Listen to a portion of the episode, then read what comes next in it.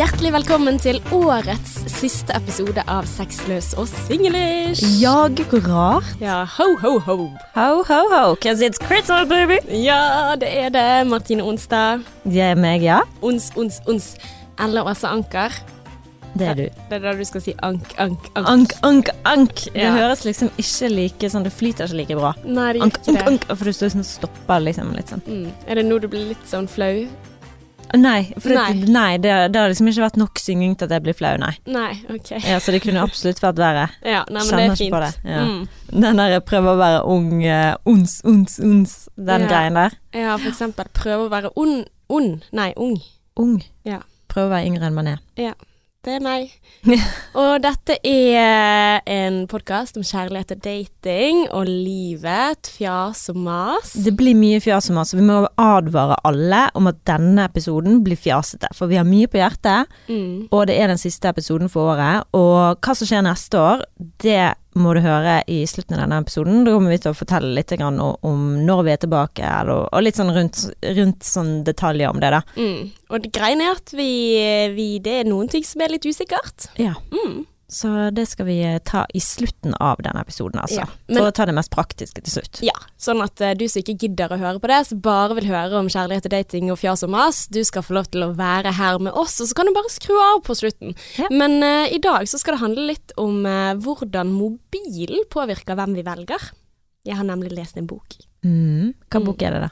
Hjernesterk heter han. Det er en psykiater, Anders eh, Hansen, som har skrevet den. Jeg tror han er svensk eller dansk, eller i hvert fall nordisk, da.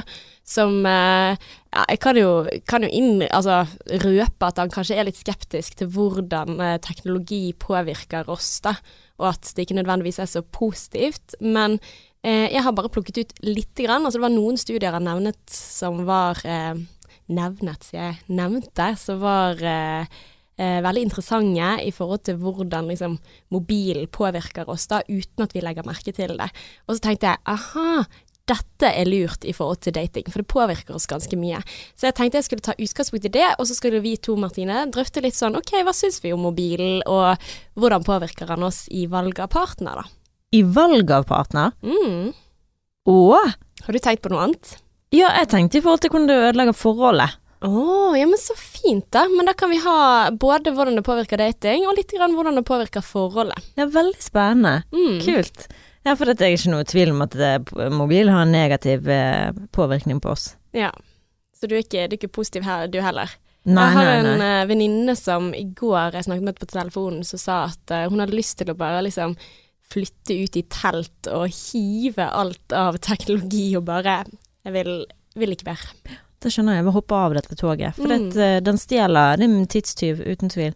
Ja, og studier viser også at vi får mer angst og depresjon av å bruke sosiale medier Ja. og være tilgjengelig hele tiden. Og at uh, Altså, for det han eh, Anders Hansen mener, da, han Mm. mener at det gir en hel befolkning masse tegn på ADHD, faktisk. Å ja. Mm, fordi at eh, vi hele tiden konkurrerer Altså, mobilen som er tilgjengelig, som vi har på bordet her, den hele tiden konkurrerer med oppmerksomheten vår. Mm. Og at vi får belønning hele tiden gjennom likes og sånn, og da må vi alltid liksom velge andre ting å fokusere på. Så da får vi eh, blir vi overstimulerte, og det blir vanskeligere å fokusere og konsentrere oss. Mm. Ja, men det tviler jeg faktisk ikke på. Og det var jo en som sa til meg at hun pleide å snu mobilen opp ned Mm. når hun var på kafé og sånn, sånn at ikke hun skulle se når hun fikk melding. Ja, same. Ja. Jeg gjør det også. Men det gjør ikke jeg, for det gjør at jeg får litt sånn noia av å skulle liksom ikke kunne se hvis jeg får melding. For for meg så er det bedre, jeg slapper mer av hvis jeg vet det. For jeg føler jeg tenker mer på mobilen min hvis den ligger opp ned. For da er det sånn, har jeg fått melding, har jeg ikke. Så, hvis, Ja. så da har jeg mer kontroll, da vet jeg liksom at jeg ikke har fått melding hvis jeg ikke ser i sidesynet mitt at meldingen Ja. er kommet inn. Men ja, mitt, uh, mitt uh, råd er jo å legge den helt bort. Ja, og det vil jeg bare si før vi eh, setter i gang med hva som har skjedd siden sist, og før vi setter i gang med tema, så må jeg bare si en liten ting, og det er sånn som på julaften så har nå mamma bestemt at vi skal putte mobilen i eh, en sånn kurv når vi kommer inn døren. Nei! Ja. Og det er jeg så for. I fjor så gikk ikke det, eller i forfjor, så ble ikke det noe av, for det at vi ble nedstemt, meg og mamma. Ja. Resten var imot det. Selvfølgelig. Var de det? De er så opptatt av mobilen sin, men altså, de har jo forskjellige grunner. Men jeg, jeg føler ofte at når vi er i familiebesøk, Mm. alle har mobilen sin tilgjengelig. Mm. Folk skal se på fotballkamp, og sist gang så sa jo mamma i familiebesøk, det var ikke meg og Adrian der, så sa hun Martine er så heldig, hun, som har en eh, mann som ikke ser på fotball. og da satt jo disse to mennene da nede i stuen og så på fotballkamp. Mm. Og det kunne jeg ikke vært med enig i. For Adrian er så, hvis det er noe han er god på, så er det å være til stede når vi er i familiebesøk. Mm. Og det, det er liksom altså For jeg, jeg tenker litt sånn at uh, jeg skal bli mer venn med fotballen. Uh, det har jeg selv bestemt meg for. Uh, fordi at Men se på det som en aktivitet som på lik linje med andre ting. Og det er liksom sånn jeg har blitt enig med meg selv da, overfor min samboer som har Premier League. hver eneste kamp av Leicester skal han se, og betaler dyre dommer for å se det også. Fytti rakkeren. Altså ikke til forkleinelse for din arbeidsgiver, Martine, men sumo når du har sport, jævlig dyrt.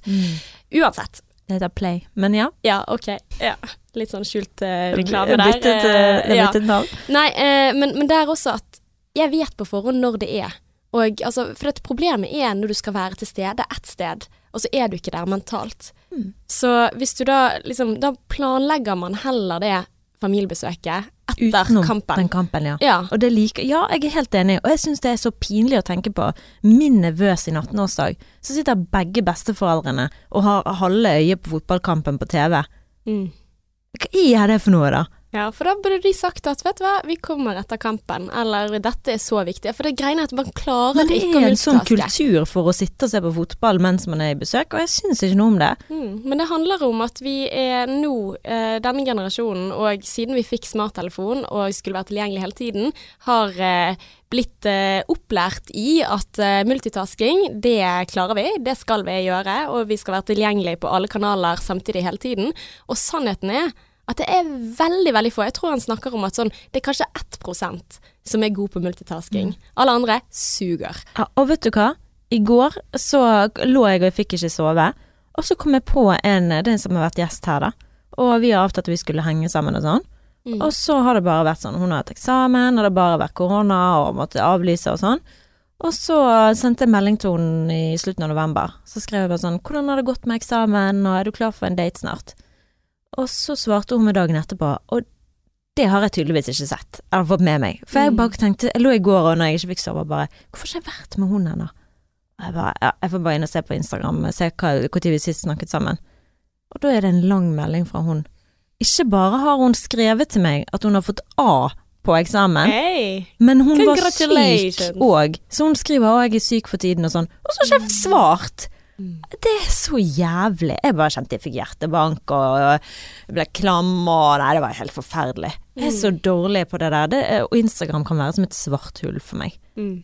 Men det er jo det som er problemet også, da. Fordi at det er så todelt. Altså, jeg kjenner meg igjen. Jeg er ganske flink til å legge fra meg telefonen når jeg møter noen og blir oppslukt i samtale, liksom. Og, for da legger jeg liksom telefonen min bort. Men jeg husker for eksempel at jeg skulle ut på tur med en kamerat, og så hadde jeg sagt til en annen at uh, du må bare være med hvis du vil. Og så fikk ikke jeg svar. Og så møtte jeg denne kameraten, så glemte jeg telefonen at jeg hadde snakket med han, Uh, han andre at han skulle være med. Og så ser jeg etter jeg har gått på tur at oi, shit, han sa å, jeg vil være med likevel.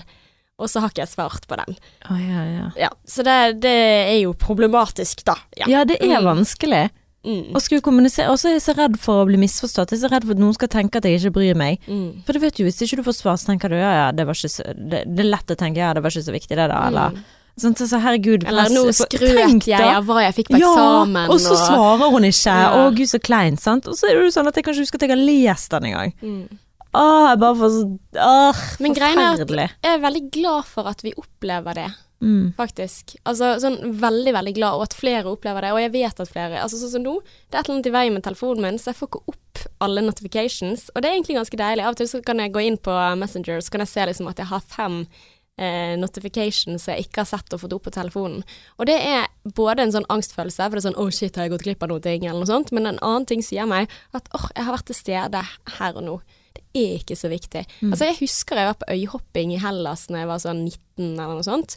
Og da hadde vi ikke smarttelefon, og da var det også svindyrt å eh, logge seg på, altså å bruke internett i det hele tatt. Og den følelsen av å gå på en internettkafé etter en uke og ikke sjekket Facebook og få sånn Oi, tre venneforespørsler, og, og de har tagget deg i det bildet, og sånn. Og så null noia på forhånd i forhold til hva som var tagget eller noe sånt, for vi var jo så ukritiske i forhold til hva vi la ut. Det var jo liksom bare ja ja, whatever, internett. Det er ikke så farlig, alt som ligger der. Det er bare Det får ligge der. Jeg har så mange Åh, jeg har gått gjennom Facebooken min og bare tenkt sånn Hva var det jeg la ut av bilder? La ut album fra fester. Ja da, det var jo veldig normalt ja, før. Fytti rakkeren, altså. Men, men det var så deilig, den følelsen. For da var det sånn ekte sånn åh, det er spennende å gå inn på Facebook, liksom. Og man gjorde det én gang i uken. Altså, ja, kanskje vi skal gå på en liten sånn eh, rehab. det tror jeg ikke er så dumt. Nei. Men eh, det krever jo at alle andre gjør det også. Jepp. Mm, David. Men nå, Martine. Nå har vi tjuvstartet på eh, dagens topic. Ja, vi har jo det. Men eh, vi kommer tilbake igjen til det mer, og hvordan det påvirker dating. For det er jo fint å legge det litt inn der, men jeg må vite aller først hvordan det går med deg. Og så må jeg si en ting til. Eh, jeg er veldig overrasket, for jeg har sittet og momset kaker samtidig som vi har snakket her. Mhm. Og jeg syns ikke det har hørtes på denne podkasten enn så lenge. Eller Nei, jeg tror ikke det. det? Nei. Åh, jeg må bare si det.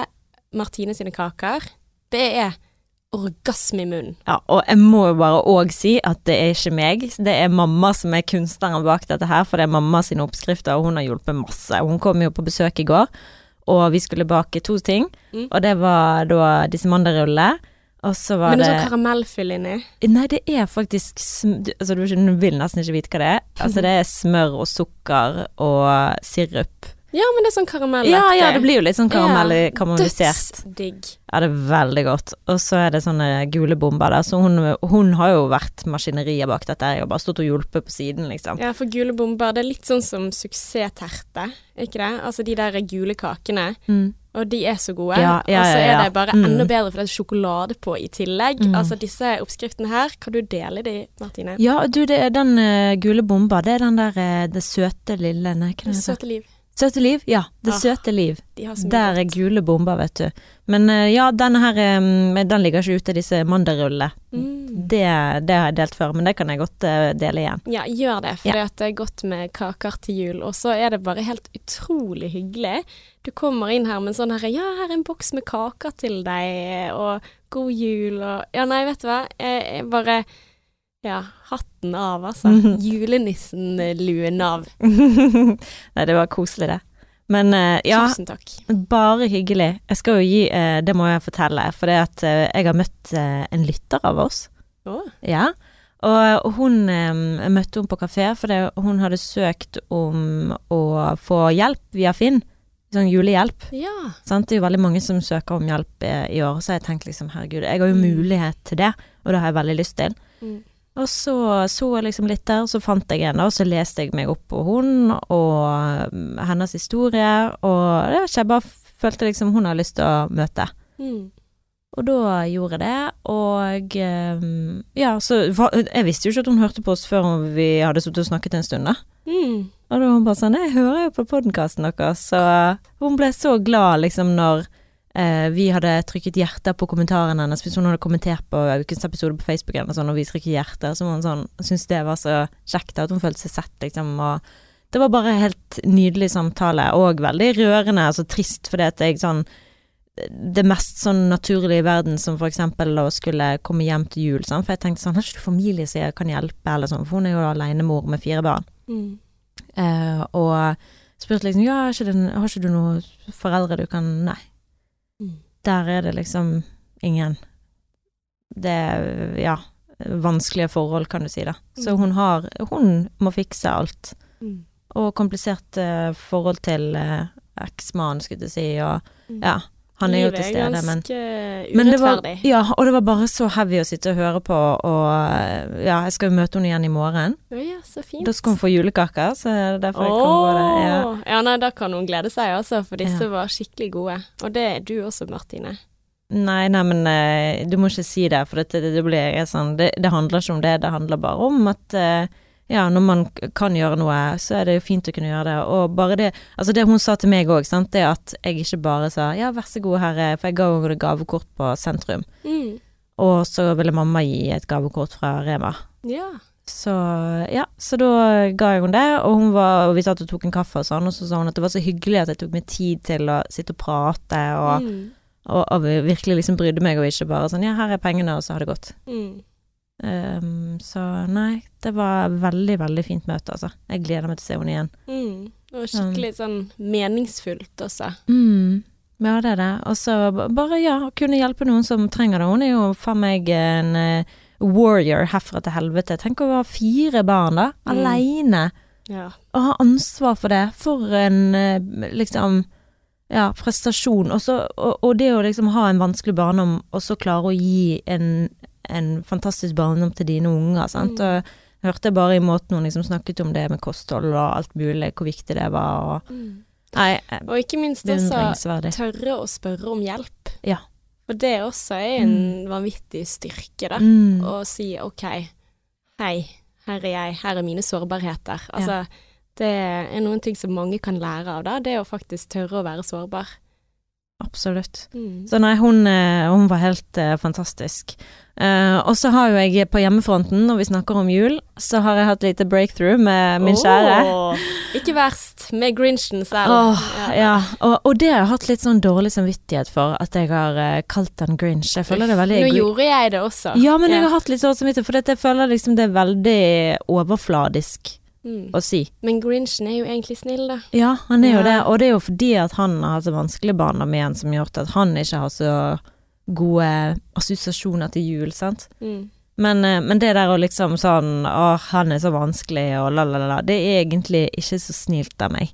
Og det er bare sånn Det er veldig egoistisk av meg å tenke og snakke med han om han på den måten, selv om det er bare på gøy, og det er jo bare morsomt, og det er jo ikke sånn virkelig sånn at jeg tenker at Adrian er slem som ikke lar meg få lov til å ha jul, for det gjør han jo, sant. Mm. Og vel så det. Og i går så så vi på julefilm. Oh. Ja, vi så på Klaus, har du sett det? Nei, På Netflix. Den må du se. den er bra. Åh, jeg har gått og repetert det siste eh, Det siste setningen, den siste setningen i manuset, skulle jeg si, i filmen. Ja, kan du dele den? Eh, den siste sendingen. Eller er det en sånn superspoiler? ja, jeg føler litt det er en spoiler. Ok, da skal ikke vi spoile den. Nei, Men, men den Klaus, det det, hørtes ut som en barnefilm, eller? Ja, det er animasjonsfilm, eller Ja. sånn tegnefilm, da. Tegnefilm, animasjon-ish. Men Mm. den var bare så fin. Litt treg i starten, men åh. Ja, wow, nei, wow, altså- wow. Jeg, jeg må si at uh, alt du sier om julefilmer, tar jeg med en klype salt, da. Nei, men denne har jo 8,2 på IMDb. Å, jeg har en det? Ja. Ja, for at jeg og min uh, samboer, vi skulle se en julefilm, og han bare ja, la oss se den her på Netflix, Et slott til jul. Og vet du hva? Ja, det er jo sånn skikkelig hallmark. Altså, vet du hva? Fytti fader, altså. Det er en halvtime jeg aldri får igjen av livet Nei. mitt, for jeg orket ikke å se ferdig. Nei, altså, det dette var jeg. krise. Du må se Noel, har du sett den? Hæ, nei.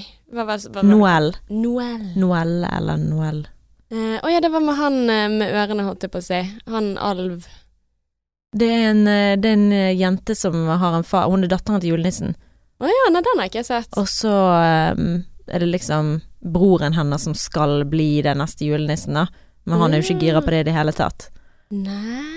Så får vi se hvem som blir julenissen, da, vet du. Oh, ja, kvinnelig julenisse. Det hadde vært noe. Det er ganske kult. Den har jeg ikke sett. Jeg Nei, så den en, var kjempefin. eh, en gutt som var sønn av julenissen. Å ja, A Boy Called Christmas. Ja, Har du sett den? den har jeg sett. Var den bra?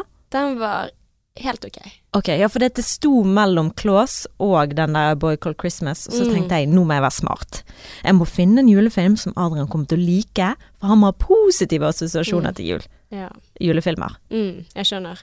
Og Så jeg kalte han gutten med ørene, for det var ikke gutten som hadde ører, det var eh, alvene som hadde ører. Å ja. Ja. ja. Men den må jeg se den òg, men jeg skal ikke tvinge Adrian til å se den. Jeg må bare gi han gode julefilmer, sånn at han tenker Ja. at det fins gode Men greien var at vi skulle egentlig se Harry Potter, og oh, så eh, så jeg at de hadde den på HBO, tror jeg, men så manglet nummer én. Altså, hva i all verden å ha liksom alle Harry Potter-filmene unntatt første filmen? Altså, vi må jo begynne på én. Og da sier eh, min eh, kjære samboer at denne her, A Boy Called Christmas, eh, er cirka sånn eh, Harry Potter-film. Og det var det ikke, da. Å ja. Ja.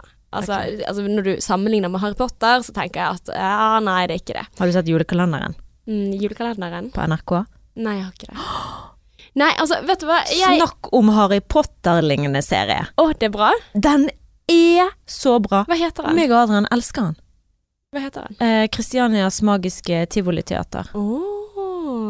Det- Altså Neste år. Men altså, Nei, grunnen men for at jeg holdt meg jeg- unna Altså, Ja. i fjor så var eh, samboeren min sånn uh, Ja, vi må se Vi må liksom øve oss for, på å få barn, da. Fordi at i fjor eh, så var jeg, jeg høygravid uh, på denne tiden av året. Og da skulle han liksom innføre julekalender. Så tenkte jeg sånn, herregud, vi skal ha år og dag. Altså, vi skal ha så mange år med julekalender, og med Han kjøpte da Disney pluss, og vi skal se så mange Disney-filmer, og vi skal, vi skal gjøre alle disse tingene her. Hva er vitsen med at vi går lei før han er født? Ja, det er sant. Og det er samme som jeg tenker nå. Nå er han ikke et år engang. Eh, han er ti måneder, og han syns ikke disse tingene er gøy, men han kommer til å synes det er så gøy. Så jeg kommer til å få min share av uh, julekalender. Men, eh, men- og Ja, men akkurat den der julekalenderen på NRK ja. Jeg Kan har jeg se den i ikke ord. Gjøre som du vil. Ja. Men altså, det, for det er ikke noe sånn en ekstremt julete over han. Nei. Men han er så bra. Den Mm. produksjonen er så bra. Skuespilleren er bare helt psyko-god. Adrian sitter helt sånn oppslukt i hver episode, akkurat sånn som meg. Vi begge to sitter der og syns det Ja, men hver episode er spennende. Det. Det er den beste julekalenderen som noensinne er sendt på NRK. Ja. Hands down. Eller noen, noen julekalendere i det hele tatt. Den Yes. er helt utrolig bra. Ja. Jeg er overrasket, for det, det er så mange som sier 'jeg har ikke sett den'. Sånn, Hva du holder på med? Hva er det du gjør på i livet ditt? Hvordan kan du ikke ha sett den? Den er dritbra. Mm. Um, men i hvert fall, jeg har én siste ting jeg har lyst til å si før, du, før jeg skal spørre deg, da. men uh, fordi at i natt så snakket jeg med Gud. Du snakket med Gud, ja. Jeg snakket med Gud i natt. Mm. Og det var en så fin samtale. Det var ikke meg som snakket med meg. Det var meg som snakket med Gud. Det var det virkelig. For okay. jeg vet at du kan tenke at jeg tøyser litt grann nå, Ja, men jeg mener det. Jeg snakket med Gud i natt. så kjenner jeg liksom at ingen ser liksom mitt sånn lure smil når uh, du sier at ja, du snakket med Gud, du ja. Men ok, men fortell meg Martine, du snakket med Gud. Jeg skal ikke dømme din samtale med Gud. Det var ikke deg med deg, men det var deg med Gud. Men hvem er Gud? Jeg, jeg- det Gud er Jeg tenkte på det. Mm. Bare sånn Hva skjønn har Gud? Tror egentlig Jeg ser jo på Gud som en far, men jeg har aldri sett for meg en mann, tror jeg. At Mm. Gud er en mann. Jeg tror jeg bare ser for meg at Gud er Gud er en følelse. Gud er liksom trygghet. Gud er fasiten. Altså det som er kjærlighet, rett og slett. Og det som er bare Det trygge. Det trygge er kjærlighet, og det er bare en sånn der eh, visdom som på en måte vi som mennesker glemmer å ta tak i, da. Som jeg føler Gud er. Så hva jeg, jeg, jeg bare Ja, jeg vet ikke. Altså, nå høres du Jeg er jo ikke kristen. Jeg er bare Jeg tror på Gud. Ja. Og det, det, er liksom, det er et rart ord, for det er et veldig kristent ord. Ja, for det er jo Gud det er jo et kristendom, men Gud finnes i alle religioner. Ja, det gjør det. Det gjør så. Eh, Så, um, ja. Men du høres veldig religiøst ut, og vi er jo ikke en religiøs pod, da. Nei, men jeg er veldig glad i Gud, og jeg syns at Og det, det syns jeg du skal få være. Og Ja. det syns jeg også sånn, altså nå Ja. Jeg vil ikke skremme noen vekk. Nei da. Nei, men det må de bare skremmes vekk. Men jeg Nei, tror på Gud. Ja, men det driter jeg i, for Ja. jeg elsker Gud, og jeg har ikke noe problem med å si det. Jeg snakket med Gud i natt, og jeg snakket med Gud om kjærlighet, og det er derfor jeg har lyst til å fortelle Ja, om og jeg vil veldig gjerne at du skal fortelle, for nå høres jeg ut som verdens dømme, mest dømmende person, for det mener ikke jeg heller. Altså, jeg også kan eh, være åpen for at det fins noe der ute. Jeg bare sier at, eh, at og, jeg, og jeg liker eh, religiøse som ikke-religiøse. Misforstå meg rett, men eh, men nei, det, det høres rart ut å snakke med Gud om natten, det gjør det. Men, okay. uh, men ja. fortell meg. Ja, men det gjør jeg av og til, da. Ja, og det er helt og helt da fint. spurte jeg liksom Gud hva uh, Ja, og jeg snakker ofte på engelsk med Gud. Men altså, er dette når du sover i drømmene, drømmene, nei, eller? nei. Nei, jeg fikk ikke sove, så jeg tenkte nå skal jeg snakke med Gud. Å, ja. Fordi at jeg føler at uh, og, og da tepper jeg inn på det, da. Og da er det sånn Jeg ser alltid for meg Gud sitter bare sånn Ja, hei. Hva det går i? Ja. Hva er det for noe du tenker på? Så spurte jeg Jeg sitter ikke på sengen min og ber til Gud. Jeg ligger med øynene igjen som om jeg skulle sovd, men jeg ligger og snakker med Gud. Ja, ok. Ja. Allah. Men i hvert fall, så spurte jeg liksom Så spurte jeg hva er kjærlighet? Og så sier Gud, hvordan vet du at jeg elsker deg? Mm. Og så sa jeg, jeg føler det. Sånn, akkurat. Så det inspirerte meg veldig, for jeg bare Jeg fikk en sånn åpenbaring, det er lenge siden jeg har hatt en sånn Ja. på podden. Akkurat. jeg bare Du føler det, ja. Ja, for det er kjærlighet. Og da skrev jeg et lite dikt som jeg har Oi. lest eh, høyt for Adrian i dag. Så dere skal få høre dere òg. Ja. Og til og med klippe sant, jeg er ikke noe Aristoteles, skulle du si, jeg er ikke noe god på dikt, eller jeg er ikke noe Romeo. Men eh, jeg vil bare si dette her, fordi at jeg føler det her med kjærlighetsspråk og sånn, og det å kreve har vært en veldig stor del av meg. Ja. Så da bare ble jeg inspirert til å skrive dikt. Og det er på engelsk. Ja. Love is not a gift. Love is not a kiss. Love is not a word. Love is not a service. Love is not even quality time. You do not look for love. You do not count the love. You do not demand love. And you do not steal love. To have love, you must feel it. And to feel it, you must believe. Det var liksom sånn. Det var fint. Ja, og det handler bare om at den åpenbaringen jeg fikk med Gud i natt, det var sånn Kjærlighet er ikke Kjærlighetsspråk. språk. Det er en følelse.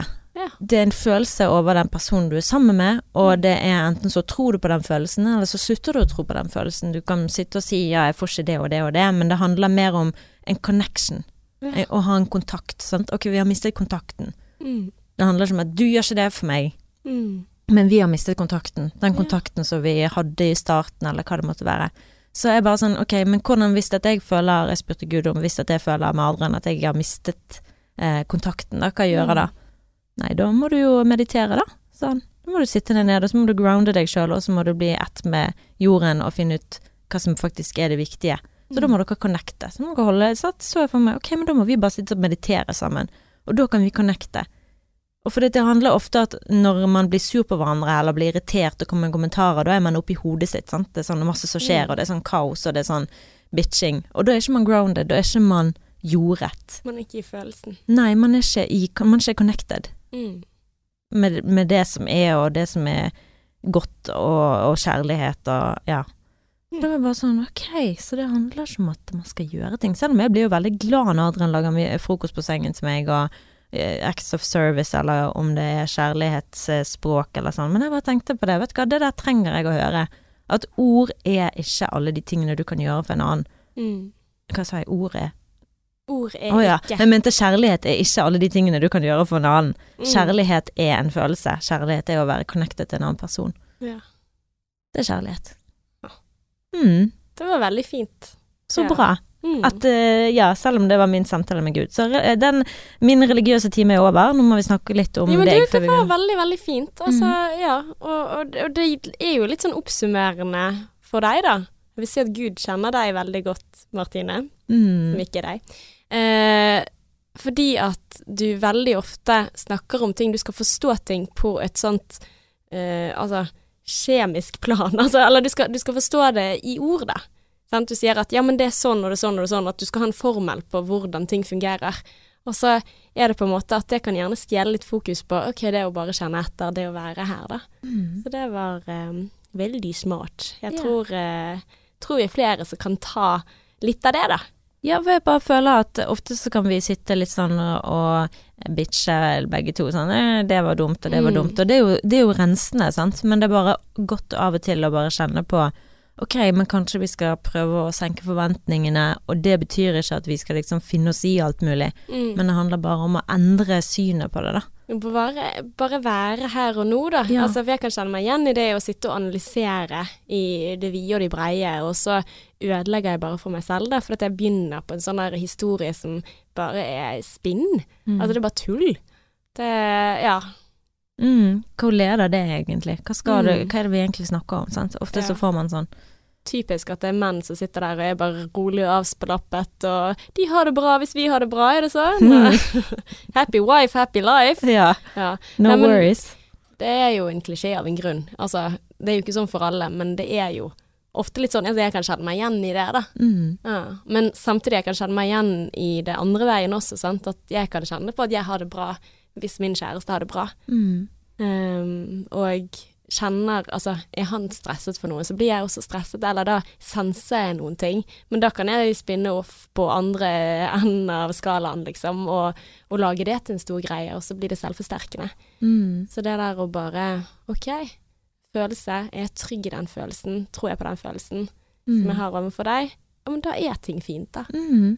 Men er jeg usikker, OK, da må jeg heller finne ut av hva handler det om, da. Ja. Og så reconnect. Mm. Rett og slett. Reconnect. Mm. Yes. Så det var det. Men deg, da? Hva skjedde siden sist med deg? Nei, vet du hva, jeg er ganske sånn grøtete i hodet, jeg, eh, for tiden. Så jeg tror ikke vi skal bruke så mye tid på det. Ja, men jeg vil vite hva som skjer. Ja, men vet du hva, jeg er, jeg er litt sliten. Altså, jeg, jeg klarer ikke å tenke ut en tanke. Det er sånn nå når du sier sånn, OK, hva, hva har du gjort på i det siste? Jeg aner ikke. Altså, Oskar, da? Jo, han har det fint. Ja. Han uh, Han klar for jul?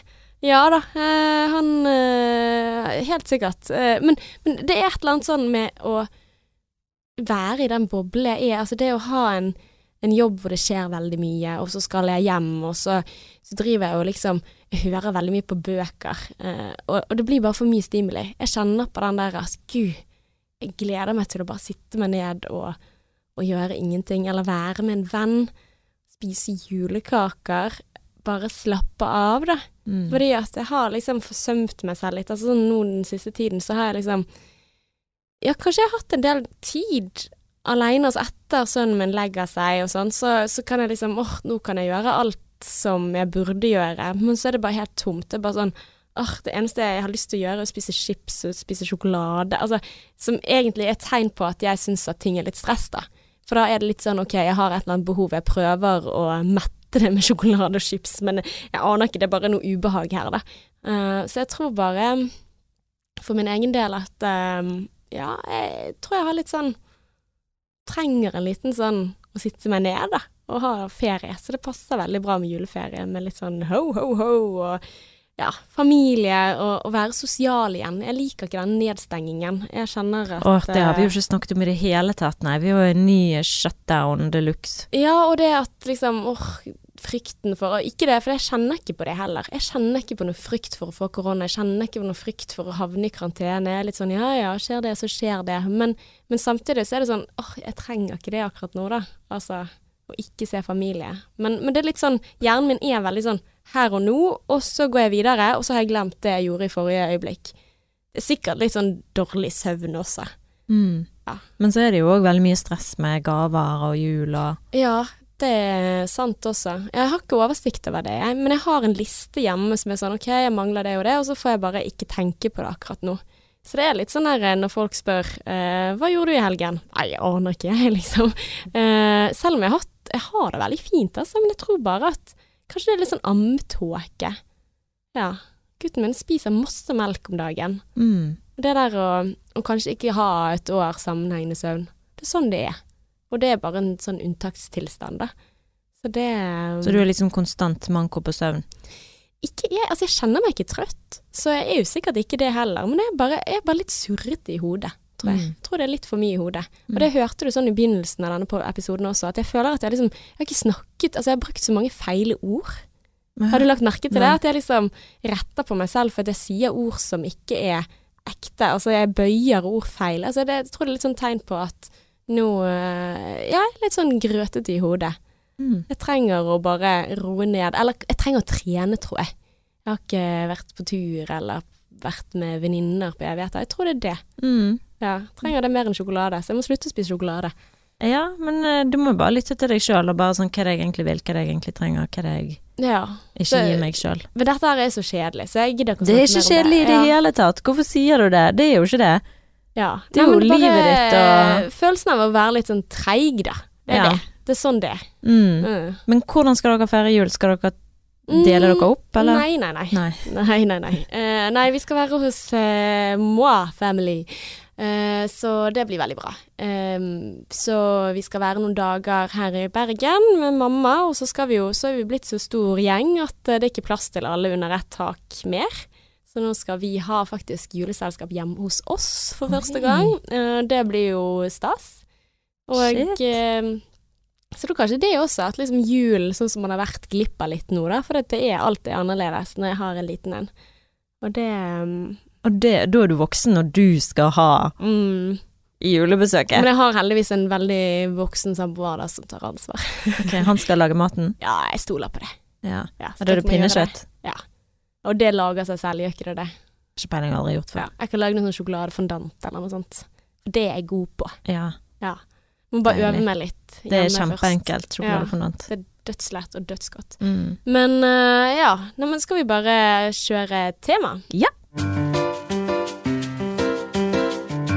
Nå har vi fjaset og Ja, men det sa vi i begynnelsen av episoden, og dette blir fjas som oss. Og, Og det er juleavslutning. det er juleavslutning. Det er juleavslutning, og tenk det året vi har hatt. Det nevnte jeg faktisk ikke. Det er årets siste episode, og tenk det året vi har hatt. Altså, dette har vært det rareste året mitt i mitt liv. Mm. Det beste og det verste. Nei, det beste.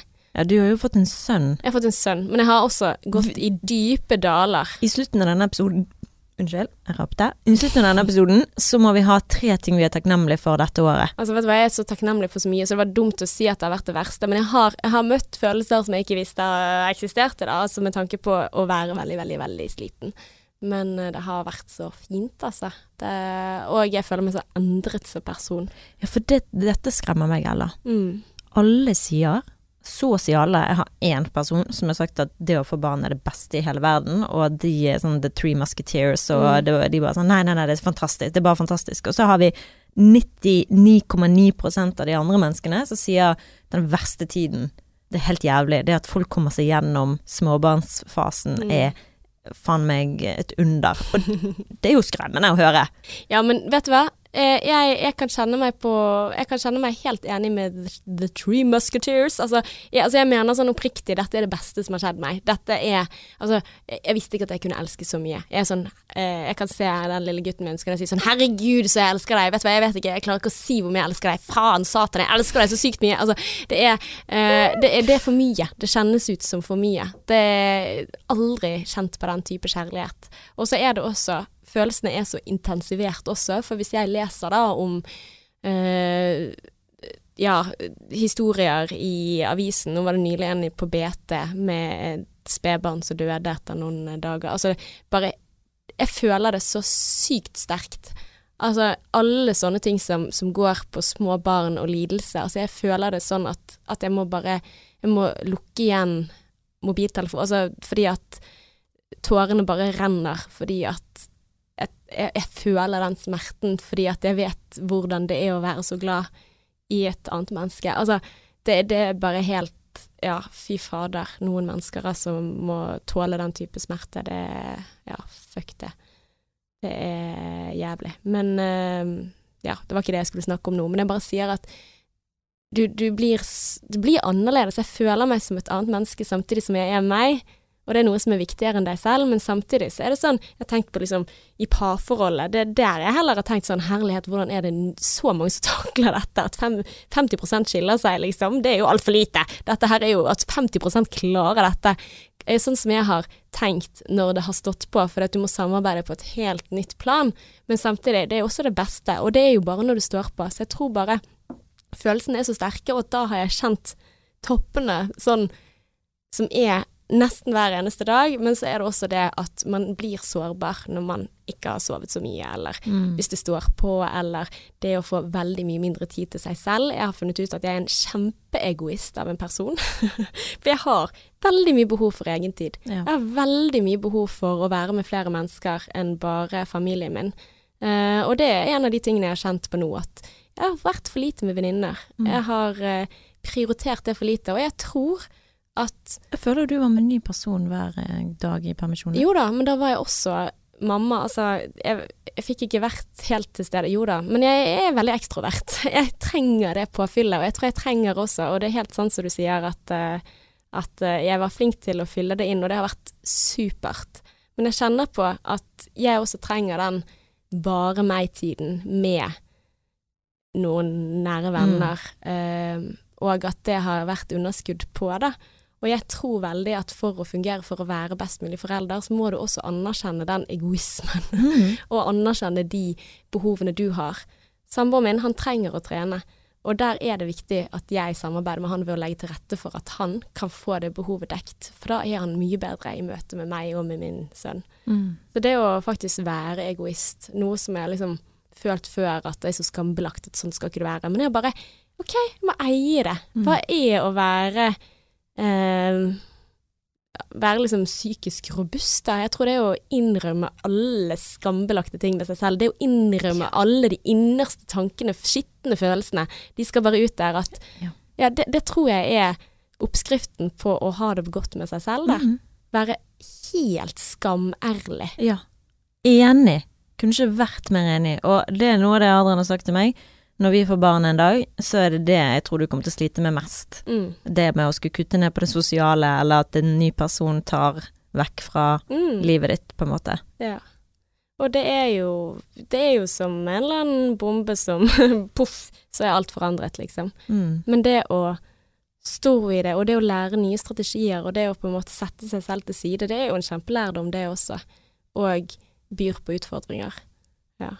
Handler om helt andre tema enn det vi skulle snakke om. Ja da, men, Men- sånn er det. Fjaseepisode. Vi, Ja, vi ja. leverer det vi bare sier vi skal levere. Men, eh, men det er litt sånn dette året for meg, da, det har vært eh, berg-og-dal-bane.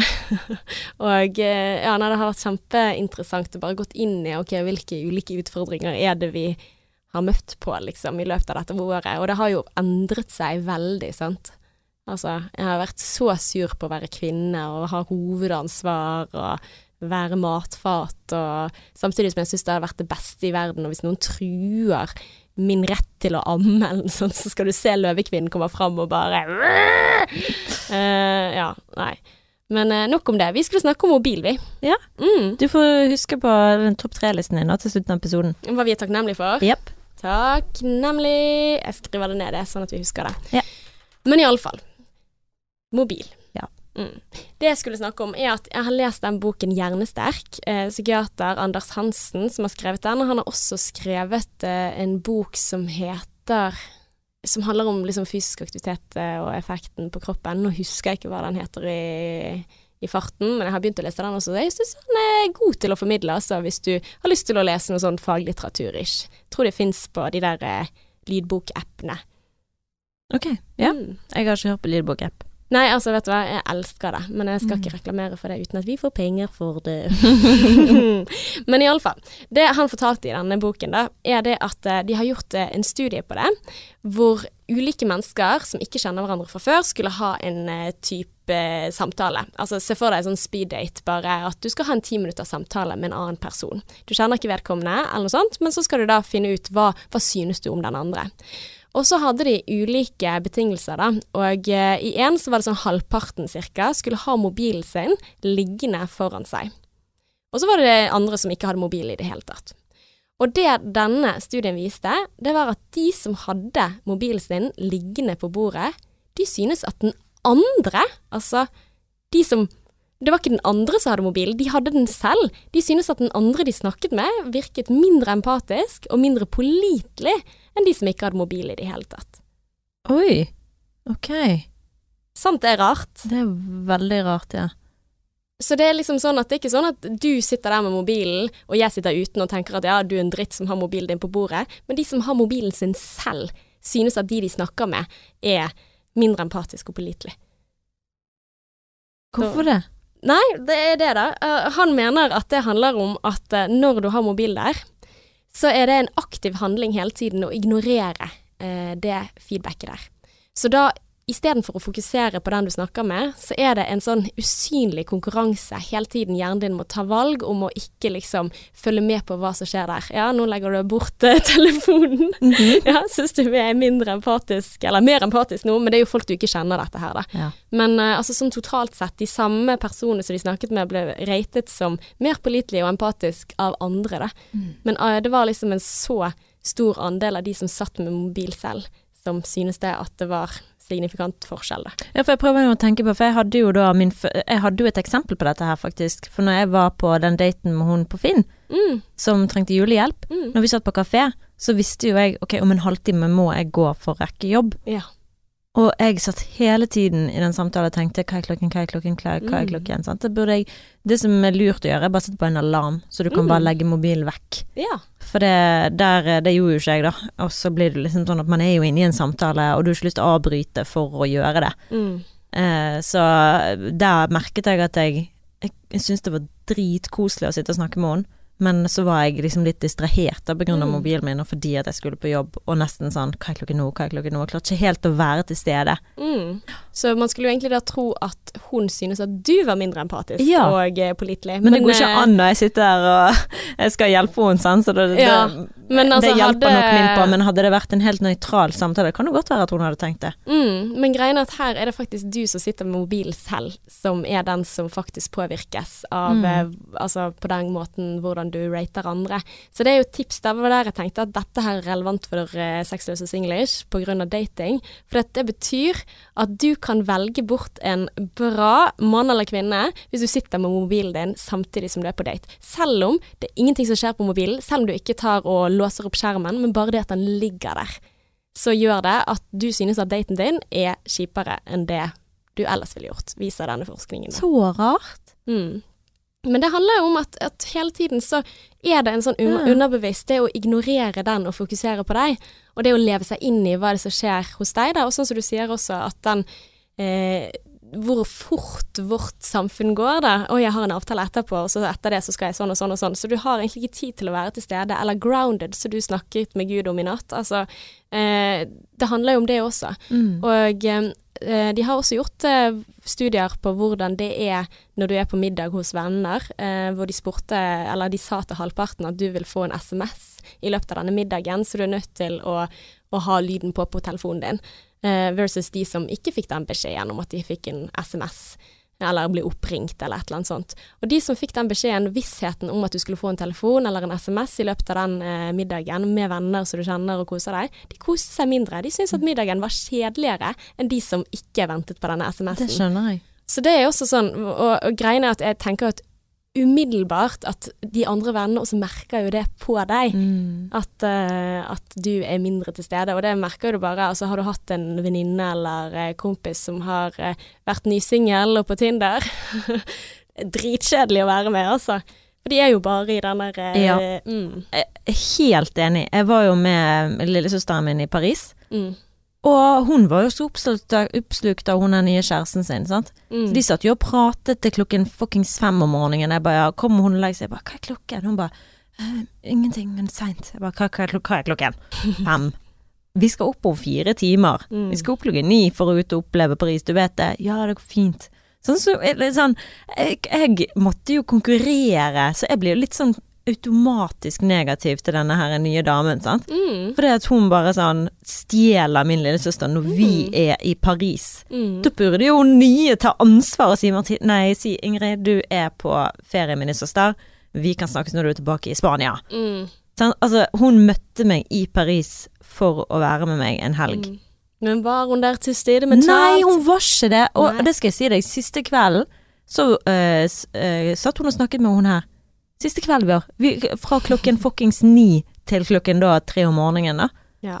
Hører du, søsteren Hører du lillesøster? Hun Ja. hører garantert ikke bare, men jeg kommer til å fortelle henne at jeg har snakket med henne, eller om henne, og kjeftet på henne. For det, eh, det var jeg så skuffet over, altså. Her Ja. har du liksom et par dager sammen i Paris, og så Men vi er ikke noe bedre, vi heller. Og dette Nei her er jo forskning som er gjort på gruppenivå, og det er jo Mm. derfor at vi blir ganske fucked up av telefonen alle sammen. Ja, og i hvert fall hvis du skal noe etterpå. Jeg var hos en, jeg var så kjempekjapt, jeg var hos en venninne og hadde julelunsj, Mm. for, og da skulle jeg på jobb etterpå. Og da satt jeg hele tiden og sånn og tenkte å, hva er klokken nå, og det var koselig, men jeg klarte ikke å slappe av. Mm. For jeg visste at på et eller annet tidspunkt må jeg gå og rekke Bybanen for å komme meg Mm. på jobb. Ja. Så det er liksom noe med det òg, å skulle skvise ting inn. ja. Så det er jo ikke lurt. Og da tenk hvis du er på dating, da, og så har du kanskje en date i morgen også. Hvilken effekt har det på daten i dag, hvis du har en annen du skal møte i morgen? Altså, derfor tenker jeg at en fin ting som denne type forskning lærer oss, og også våre samtaler om hvordan mobil påvirker oss, at ok, legg de andre til side. Date én om gangen. Mm. Altså sånn seriøst. Det tenker jeg. Ja. At uh, det påvirker at hvis du eksempel da, apropos vi har snakket en del om det der å være for kresen eller ikke finne en partner, dette er en av grunnene for at man ikke finner en, både fordi at ok, kanskje man har en date i morgen som man lurer på, eller det er en eller annen på Tinder som, som så ganske kjekk som ikke svarte, eller som ikke kunne før neste uke, og så legger du den på vent samtidig som du skal være 100 til stede på date nummer fyr eller dame nummer én, da. Da er det kjempevanskelig å velge, for det å også ikke tenke på det andre, det er også et aktivt valg. Det heter inhibisjon på fagspråk. Just saying. Inhibisjon. Mm. Det å, altså det er når hjernen tar et aktivt valg, at jeg skal fokusere på dette, det betyr å blokke ut andre ting. For vi bombarderes med sanseinntrykk hele tiden. Du hører ting, du lukter ting, du ser ting. Og eh, eh, for å fokusere på én ting, så må man ignorere de andre tingene. Eh, og det er derfor han mener da at dette med smarttelefon, det å få belønning umiddelbart hele tiden, og, og det å liksom skulle være til stede og multitaske hele tiden, det gjør at vi har en hel generasjon, at, vi har en hel eh, befolkning, altså vi har masse generasjoner. Tidsånden vår er at alle har symptomer på ADHD. Ja. Mm. ja. På grunn av mobilen. Mm. Ja, fordi man klarer ikke å konsentrere seg. Helt eh, f- Oppmerksomhetsvansker som fy, altså ja. Mm. Og det er kanskje det er en liten prosent, jeg lurer ikke om det er prosent engang, jeg tror det er promille av mennesker som dette funker for. Men det er så få at det gjelder mest sannsynlig ikke meg, og ikke deg. Nei. Og ikke deg og deg og deg og deg og deg. Men der, eh, der tror jeg du har et veldig veldig godt tips til folk med, i forhold til mobil og, Dating. og dating. Men det er jo òg sånn i forhold til sosiale medier og sammenligning Mm. med andre mennesker og hva som man kan få og hva som er der ute. sant? Men også det å være til stede på den daten du er. Det er liksom OK, hvis du først velger å bruke tiden din på å gå på én date, så er det bortkastet tid hvis du er et annet sted mentalt. Og da handler det om bare, bare det å ha telefonen sin på bordet, kan gjøre den daten mindre eh, attraktiv Mm. enn det han eller hun ellers ville vært. Så da er det nummer én, OK, kanskje ikke ta med deg telefonen engang. Bare OK, det hadde stresset livet ut av meg å gå uten telefon. Men det, det sier jo litt også, sant. Hvor mye hadde det stresset meg å gå uten telefon? OK, den eier meg. Jeg eier ikke den. Mm. Den eier meg. Mm. Hvor skremmende er ikke det? Mm. Og, og det, det var jo litt sånn, sånn som den boken jeg leste, sant? med hun som var på dates og hadde en eh, venn som var veldig interessert i hun, men hun var ikke interessert tilbake, sant? før hun plutselig en dag åpnet seg for ideen om at det kunne bli de to.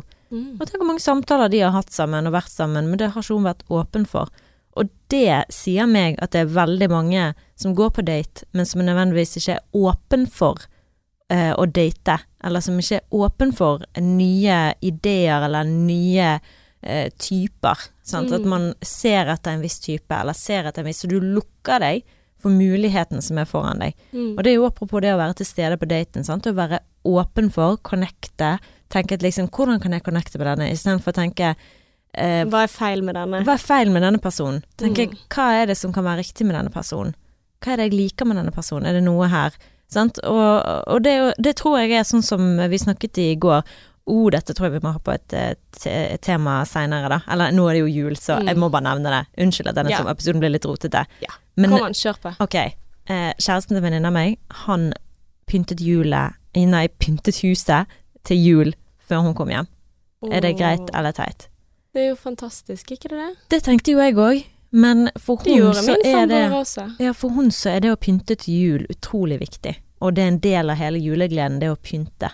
Ja. Så hun følte at han tok fra henne den gleden. Det var en liten grinsj i Hæ? Det var en grinch der også, da, i julenissedrakt. Ja, han, sant? Mm. Ja, at han ble jo det, sant. Altså at han tok fra hun Julia. Um, så, men, men der òg, det måtte vi diskutere litt på Snapchat, så tenkte jeg dette må vi ta videre etter podden. Mm. For det er sånn um, Hvordan vi tolker den andres oppførsel, sant. Mm. At det kan være så veldig forskjellig i forhold til hvordan man føler det. Ja. Men her er jo det litt sånn også, altså hva ligger bak denne tanken, sant. Altså hvis hun har formidlet til han, Det har hun. ja, at dette her er det koseligste jeg gjør og sånn, så er jo det kanskje ikke rart at hun føler seg misforstått og eh, oversett i den situasjonen da, når han eh, gjorde det likevel. Og så kan det godt hende at han ikke har fått det med seg, og da kan vi godt skylde på telefonen der Mm. også. Det kan godt hende at han satt og nikket, sa ja og liksom hørte etter, men at han egentlig var i en fotballkamp i hodet, Ja. eller et eller annet sånt. Ja, og, og det på en grunn til at jeg kom på dette nå, det er fordi at noen mennesker trenger å lære å si mindre ifra, akkurat meg. Mhm. Mens hun eksempel trenger å bli Så hun, der var det liksom sånn Ja, nei, du, det er jo bra at du sier ifra. Så hun bare, vet du hva, for meg så var det veldig bra at jeg sa ifra. Mm. Fordi at jeg er ikke så flink til å si ifra nødvendigvis. Mm. Og det er bare sånn, for for min del, eh, sånn som hin dagen, så lagde min kjære frokost Dette har jeg glemt å fortelle, dette er så viktig. oh, så for dette er jo en ting vi er nødt til å snakke om. For det, eh, jeg var flink. Ja. Han lagde frokost på sengen til meg, oh, og kaffe. Og så var det eh, rundstykke med syltetøy og smør. Ja. ja, men du liker jo smør. Ikke på syltetøy. Å ja, ok. Ja, Ja, på smørpålegg. for du har laget en hel episode om at du skal ha smør på skiven, og Ja. ikke uten smør. Mhm. Men Mm. ikke på syltetøy. Ikke på syltetøy. Mm. Men nå har jeg lært, så jeg sa ikke ifra. Ja. Jeg sa ingenting. Jeg bare var veldig glad for det. Og det var ikke så ille å spise det. Jeg, jeg er jo ikke fem år gammel, så jeg klarer å spise en skive med smør og syltetøy Mm. uh, uten at det er noe problem. Men uh, en uke seinere, i går For det, det var jo Jeg kom på det uh, da igjen, på grunn av vi begynte å snakke om dette med hun Mm. sant, med jul og det i, I forhold til hans intensjon og hvordan det ble mottatt av Mm. hun, sant, du burde kjenne meg bedre. Ja. Og det var jo det jeg følte med til. Hæ, Mm. kjenner du meg ikke? Ja. sant, vet ikke du det? Mm. Og det er jo helt uviktig. Og det var jo derfor jeg lot være å si det, for nå var jeg sånn eh, eh, eh. Hvis du har lyst til å motivere han til å gjøre dette oftere, så Mm. kan ikke du komme med en eller annen negativ kritikk. Mm. må du være veldig oppløftende og glad og Ja. takknemlig for det han for gjør. Tusen takk for det, men Men okay, bare så du vet ikke det, ja, Mm. så er det sånn åh, må det alltid være noe negativt, sant? Mm. Så i går så sto hun i dusjen, og da skulle jeg gå og dusje, og så sa jeg du forresten, um, det, jeg eh, i forhold til skive og syltetøy og sånn, så spiser jeg bare smør på sånn tørr, eller sånn ost og sånn som dette her, Mm. men ikke på sånn smørepålegg som syltetøy. Han bare Å, ja. Okay. Ja. Ja, men det, han bare ja, men da vet jeg det. Det er jo egentlig enkelt å forholde seg til. Da er det sånn smør på det på, Mm. men ikke på Men hadde du sagt det med en gang, så hadde du tatt bort uh, Ja. Da hadde ikke han vært Mm. like mottagelig. Ja, Så jeg sa det i en helt annen setting. Mm. Ut- bare sånn by the way Jeg var så flink! Yay! Christmas miracle! It's a Christmas miracle, everyone! Yeah. Så jeg måtte bare si det, smyge den inn der. Men Mm. uh, ja. Så, men poenget var i hvert fall at noen mennesker trenger å lære å være flinkere til å si mindre ifra, Mm. mens andre trenger å si mer. Og så var det i forhold til noe som vi snakket om Helt sikkert noe i forhold til det vi snakket om, men det er ikke så viktig. Okay. Ho, ho, ho, Merry Christmas. Jo, det var i forhold til Jo, når du velger en partner. Mm. For jeg sier at vi må være med til stede på date. Mm. Og da er det noen som burde være flinkere til å se det positive i den andre. Mm. Mens andre er kanskje litt sånn at de velger alle, og må kanskje være litt mer kresne og, og se på mønsteret sitt. Mm. Sånn som jeg eh, burde være flinkere til å På dating så er ikke jeg helt sikker på hva jeg burde være flinkere på. Om jeg Mm. burde være flinkere til eventuelt å være mer kresen eller mer For jeg er jo kresen i utgangspunktet, føler jeg. Men det er jo ikke alle som er det, så folk har nødt til å lære forskjellige ting. Det var det Mm. som var poenget mitt. Så noen mennesker, eh, hvis man ser for eksempel at hm, jeg gjør det ikke så bra på datingmarkedet, eller jeg finner aldri den rette. Mm. Ja, men hvordan velger du? Hvordan ser du på de du møter? Er du automatisk kritisk til den som sitter foran deg? Mm. Er du sånn politiavhør og tenker du sånn øh, se på de sokkene til han duden der, sant? Mm. Er du åpen, Mm. eller er du lukket? Så det er liksom sånn, noen mennesker er altfor åpen, på en måte, å ta alt, eh, eller se på den feile eh, typen, og jeg bare tenker at man må vurdere liksom hva er det man ser etter, sant? Ser man etter verdiene til personen, eller ser man på disse gule sokkene, som er helt teit? Mm. Men det er liksom sånn, jeg tenkte på hun venninnen din. Mm. Bare, altså, det å si fra Altså, jeg syns jo det var veldig fint at hun sa ifra om det, for da kan han lære noe nytt om henne. Men det handler jo alt om, ikke nødvendigvis om du sier ifra eller ikke, det handler om eh, hvordan du sier ifra. Absolutt, men Så- i mitt tilfelle så tror jeg ikke jeg kunne sagt ifra på noe som helst Nei, men du har nok sagt akkurat ifra tidligere. så mange ganger, Mm. og det har ikke funket. Nei, så da er det litt sånn der at du gjør eh, mindre av det samme. Mm. og ikke mer av det samme, som ofte er den fellen vi alltid gjør. Sant? At når du ikke hører på hva jeg sier, så skrur jeg opp volumet litt til, og så bare maser jeg på med det samme. Ok, det er ikke større sannsynlighet for at du vil gjøre det Einstein sa jo det, vet du. Mm. Hvis du repeterer det, eller betegnelsen på galskap er å gjøre det samme igjen og igjen og forvente et nytt resultat. Ja, ikke sant. Fine Einstein. Fine Einstein. Og der har jeg fått bevis på det, at hvis du velger en different approach, det handler ikke om at jeg ikke skal måtte tørre å si, for det, da kan meg og han begynne å krangle hvis jeg sier ifra om Mm. Men det handler bare om når sier du ifra, og Mm. hvordan sier du ifra. Så jeg klarte jo å si ifra, men bare i en helt annen setting, og på en veldig hyggelig måte. Det er veldig bra, Martine. Og det leder oss inn på noen ting vi skulle si helt til slutt, før vi skal si det andre vi skal si helt til slutt. Det var tre ting du var takknemlig for i året 2020. Og Ja. mens jeg sier 2021. det 2021. Og da tar jeg en julekake mens vi Ja. snakker om det. Det skal du få lov til. Mm. Em, ok, skal jeg begynne da, på hva jeg er mest takknemlig for? Mm. Ok. Num min nummer Jeg har jo veldig mye på listen i år. Jeg må jo si at det sykeste som har skjedd meg i år Det ligger jo mellom to ting. Sant? Jeg har jo gitt ut bok, Mm. og jeg har fått drømmejobb i TV 2. Fy fader, Martine. Hæ?! Kan du tro det? Mm. Det er jo helt sykt. Men det de er- er Ja. Bucketlisten min begynner å bli veldig liten, altså. i Mm. forhold til hva jeg har lyst til å oppnå i livet. For det eh, 2021 har kanskje vært fullt av eh, eh, korona og bla, bla, bla. Men Mm. det er ikke det som peker seg ut for min del. Nei. Det er jo ja, Karrieremessig, boom, boom, boom. Boom, boom, boom. Mm. Så Gratulerer. tusen takk. Og sist, men ikke minst, som egentlig burde være nummer én, det er jo Adrian og meg og forholdet som jeg har hatt eh, med han, og hvordan vi seriøst faller og reiser oss igjen og faller og reiser oss igjen, som alle par gjør. Men bare nå så ser jeg bare sånn Jeg er så stolt, for hvis du skal se sånn fra jul til jul, for eksempel, Mm. siden vi er juletid, så har jo det bare vært en helt sånn enorm forandring. Mm. Du har blitt forlovet også, har ikke du det? Jo, men det var i fjor. Å ja, ok, det var 2020. Ja, det var jo 2020. Så jeg eh, gjorde jo Men det, ble, det føler ikke jeg i år, så har ikke det skjedd noe sånn på bryllupsfronten. Mm. Vi har jo laget invitasjoner og skal sende det ut. Åh, Jeg burde egentlig tatt med til deg i dag. spennende. oh, jeg gleder meg. Ja. jeg gleder meg skikkelig. Ja. Så Så tre gode ting. ja, tre veldig gode ting. Mm. For det Forhold er ikke enkelt, men jeg er utfattelig takknemlig for alt det som det gir meg, og hva jeg lærer av det, jeg vokser som menneske. Mm. Åh, ja, og du kommer nærmere den personen du er sammen med. Så ja, det er veldig, veldig, veldig gøy. Så jeg er veldig, veldig takknemlig for det. Hjelper med The Secret, gjør ikke det det? Nei, The Magic. Det The var det magic. Magic, holdt på med. Ja. Mhm. Og så, ja, og bare på en måte ta litt ansvar Mm. på ting i forholdet. Mm. Du da, hva er din topp tre? Eh, Nummer én er jo selvfølgelig min lille gullklump. Å, herlighet, ja. Jeg har uh, fått en sønn i år, og jeg har blitt mamma, og jeg har blitt en familie. Altså, ja.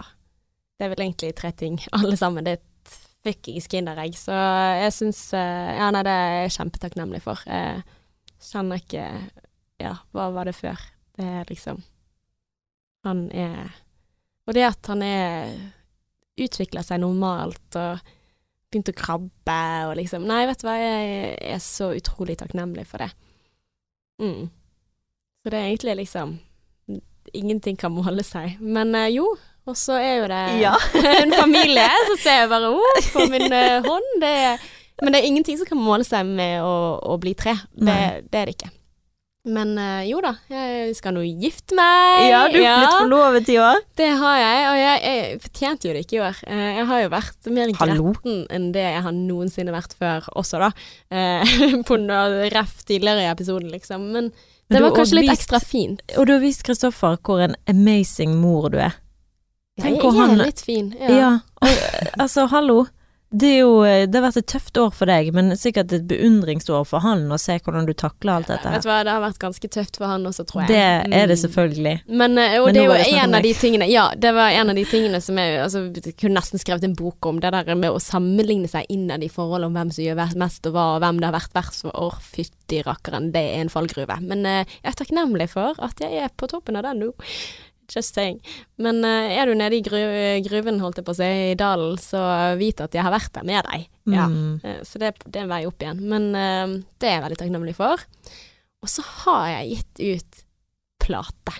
Ja, og så har du fått er- ny jobb. Jeg har fått ny jobb også, og det er jeg også veldig takknemlig for. Altså, Det er fordi, mye som har skjedd i år med deg òg, altså, jeg, har, jeg har parkert livet mitt helt, og jeg er så takknemlig for den mammaperm-tiden også, eh, permisjonen også, fordi at det har vært skikkelig fint, og masse fine mennesker som jeg har møtt, og det å ha en helt annen hverdag og ja, nei, det, det er bare sånn ord som livet har blitt snudd på hodet og opp igjen. Og, og sånn som nå, med tanke på at jeg er i ny jobb, jeg føler meg fortsatt litt sånn inkompetente, på et vis. Altså, noen dager føler jeg sånn åh, fy fader, jeg er supermann, liksom. Men en annen dag så kan jeg kjenne litt sånn åh, jeg er ikke der jeg var før jeg gikk ut i permisjon, da. At, men det kan jo hende at jeg hadde bare altfor god selvtillit før, da. Det vet jeg ikke. Eh, at jeg er mer liksom kritisk til det nå. Men jeg føler at jeg har kommet i en jobb hvor eh, det er utrolig dyktige mennesker. Jeg er sånn wow, jeg er sånn starstruck på jobb fordi at de er så flinke. Og det at jeg liksom Å, gud, jeg får jobbe med de, liksom. Eh, så det, det er veldig gøy og givende å lære faget. Jeg elsker psykologi. Mm, det skjønner jeg. Jeg òg. Ja, men altså, jeg bare jeg virkelig sånn kjenner at helsiken som Ja, jeg er sykt takknemlig for at jeg kan være psykolog. Mm, du har en dritkul jobb. Jeg har det. Og så Mm. møter jeg så mange fine, inspirerende mennesker også. Uh, som, som vi lærer av hver dag. Så det er litt sånn Ja. Nei, det er Så, så det er litt sånn For et ord, da! Ja, det er sykt. Eh, Hallo! Baby, forlovelse, em, ny jobb, juleplate. ja. Er ikke det sykt Altså, hvor mange ting som har skjedd? popstjerne da jeg var liten, da, sant, og gi ut plate, så jeg hadde kanskje vært litt skuffet hvis det var Ella, 14 år, som sa at uh, det var ikke soloartist jeg skulle bli. Det var ikke soloartist, det jeg mitt. Men uh, jeg synger med veldig fine damer, da. Vi er 16 stykker, og en veldig flink dirigent, Mikael Hedne. Og hvis du vil sjekke det ut og høre på det i julen, så setter jeg så sykt stor pris på det. Vi Nå må du si. Multa pouches. Så bare tenk på multekrem som du spiser til eh, jul, mest sannsynlig. Så skriver du multa, og der får du sikkert også opp eh, Pouches. ja. P. P. Multa P. Ja. Store P. Multa P. ja. Det er oss. Så sjekk det ut, og fy flate, eller sykt kult å se tilbake på. Og det må vi bare òg si at når du hører uh, livene våre, så høres det ut som det er sus og dus og Men det er gruver for alle. Ja. Og det er ned, nedoverbakker, det er oppoverbakker, Vi det må er alt mulig. slutte på topp, ikke det så? Eh, og så er det utforbakke til neste år. Og det er jo én ting også. Vi eh, mister produksjonsselskapet vårt. Mm, mainstream er historie. Det er solgt ja, det er til april. Ja. Så vi må jo bare Vi vet jo egentlig ikke hva vi kommer til å gjøre, om vi kommer til å bli med dit eller Vi har ikke peiling. Nei, og det vet vi ikke hvor lang tid det tar. Men vi kan få hjelp av deg, da. Mm. Hvis du anbefaler oss til en venn. Ja. Snakk om oss. Si Sexless og Singlish er ganske kule. Gi oss Mm. fem stjerner i iTunes. Ta og Spill oss og følg oss og, og, og støtte oss. Det er jo å anbefale oss til andre. Altså det, Det er den største julegaven du kan gi til oss. den største gaven du kan gi Ja! menneske. Til oss er det det. Ja, det er det faktisk. Mm. Um, det, det betyr vanvittig mye. All I want for Christmas. It's is. for you to subscribe. Ja. Subscribe. Lik og del og følg og sånn. Ja. Mm. Så vi, vi vet seriøst ikke når vi er tilbake, men vi skal gjøre vårt eh, ytterste for å ikke bruke for lang tid på å komme tilbake. Mm, og vi har masse temaer som vi har lyst til å ta opp. Ja. Uh, vi har uh, hvorfor det ble slutt, blant annet. Og så har vi også det der å være konfliktsky i forhold, og det å tørre å si unnskyld. For jeg har lest om det også, jeg, Martine. Ja, Altså, jeg har en oppskrift på hvordan du skal si unnskyld. ok. Mm. Veldig. Nei, da. Ja, ja, ja, jeg trenger jo det. Ja. Uh, og så har vi jo vært med i en serie på NRK. ja, herregud, må vi snakke om det også. Nå er Ja. jeg sånn veldig klar for å Ikke snakke om det? Eller bare å gli inn i juleferien. Ok, men jeg må nevne det. Ok. Ok, Det er en serie på NRK som heter Gutter mot verden. Vi ble spurt om vi hadde lyst til å være med og kommentere, fordi de har liksom sånn vanlige folk Ja, sånn folkepanel eh, som de kommenterer innimellom, og vi er oppe hos meg da, utenfor i hagen min. Mm. Og så har de stilt oss spørsmål, og så har vi reflektert rundt eh, det. Og så hører du Ella si to ting, og så er det meg resten. Og greiene er at dette var Altså, dette var en av de verste dagene jeg hadde. Altså, apropos det å skulle gjøre mange ting på en gang.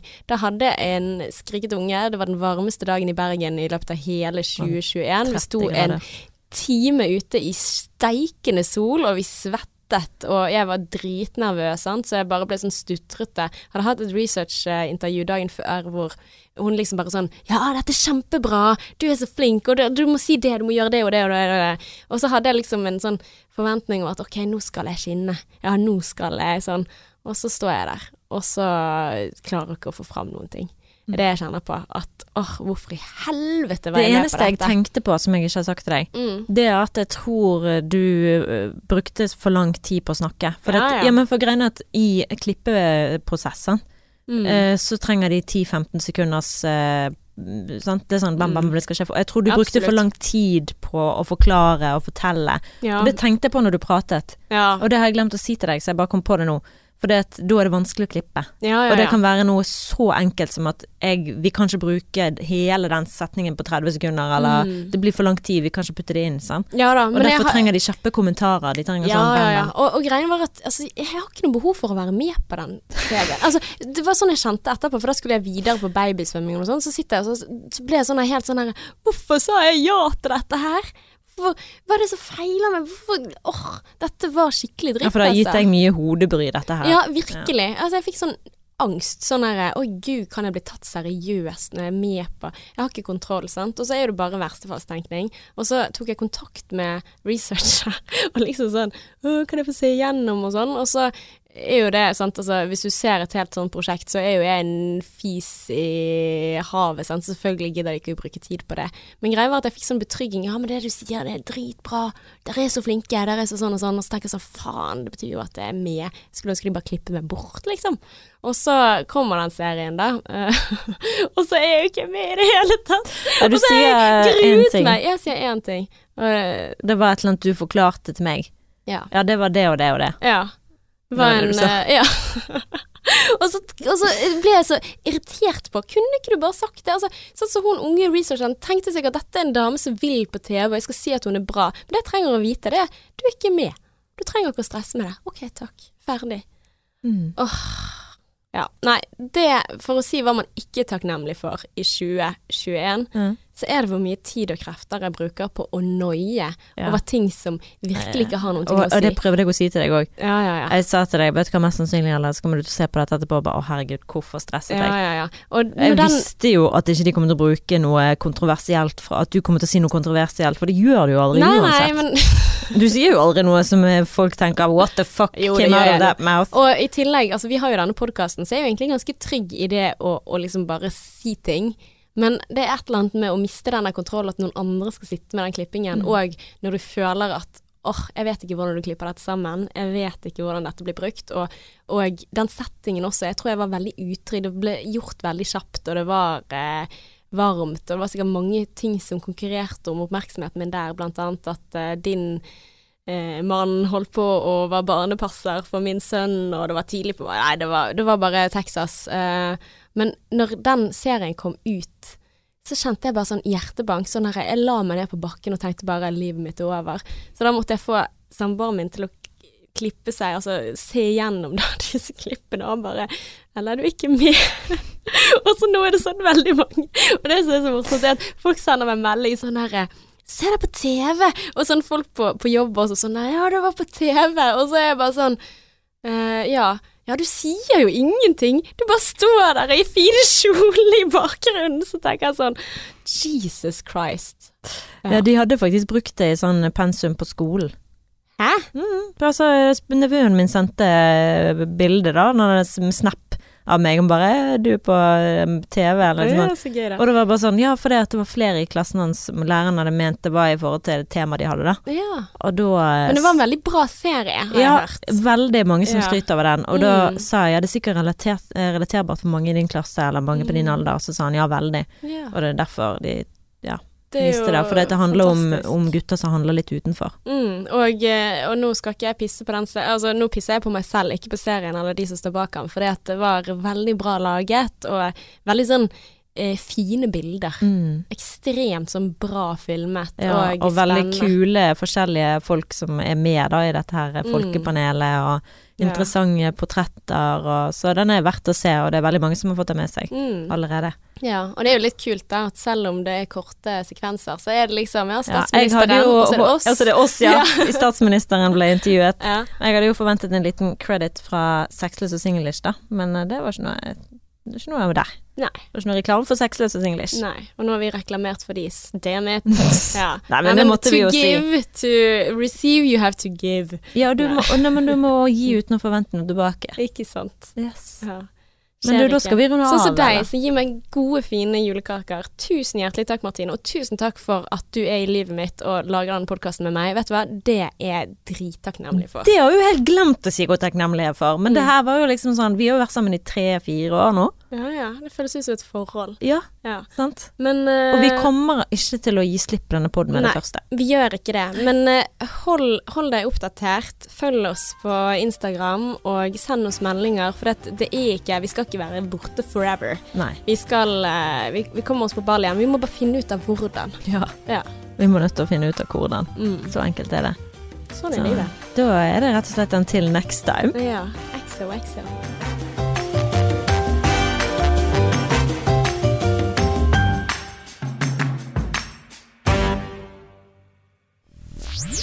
mainstream. Mainstream. Mainstream. Mainstream. mainstream.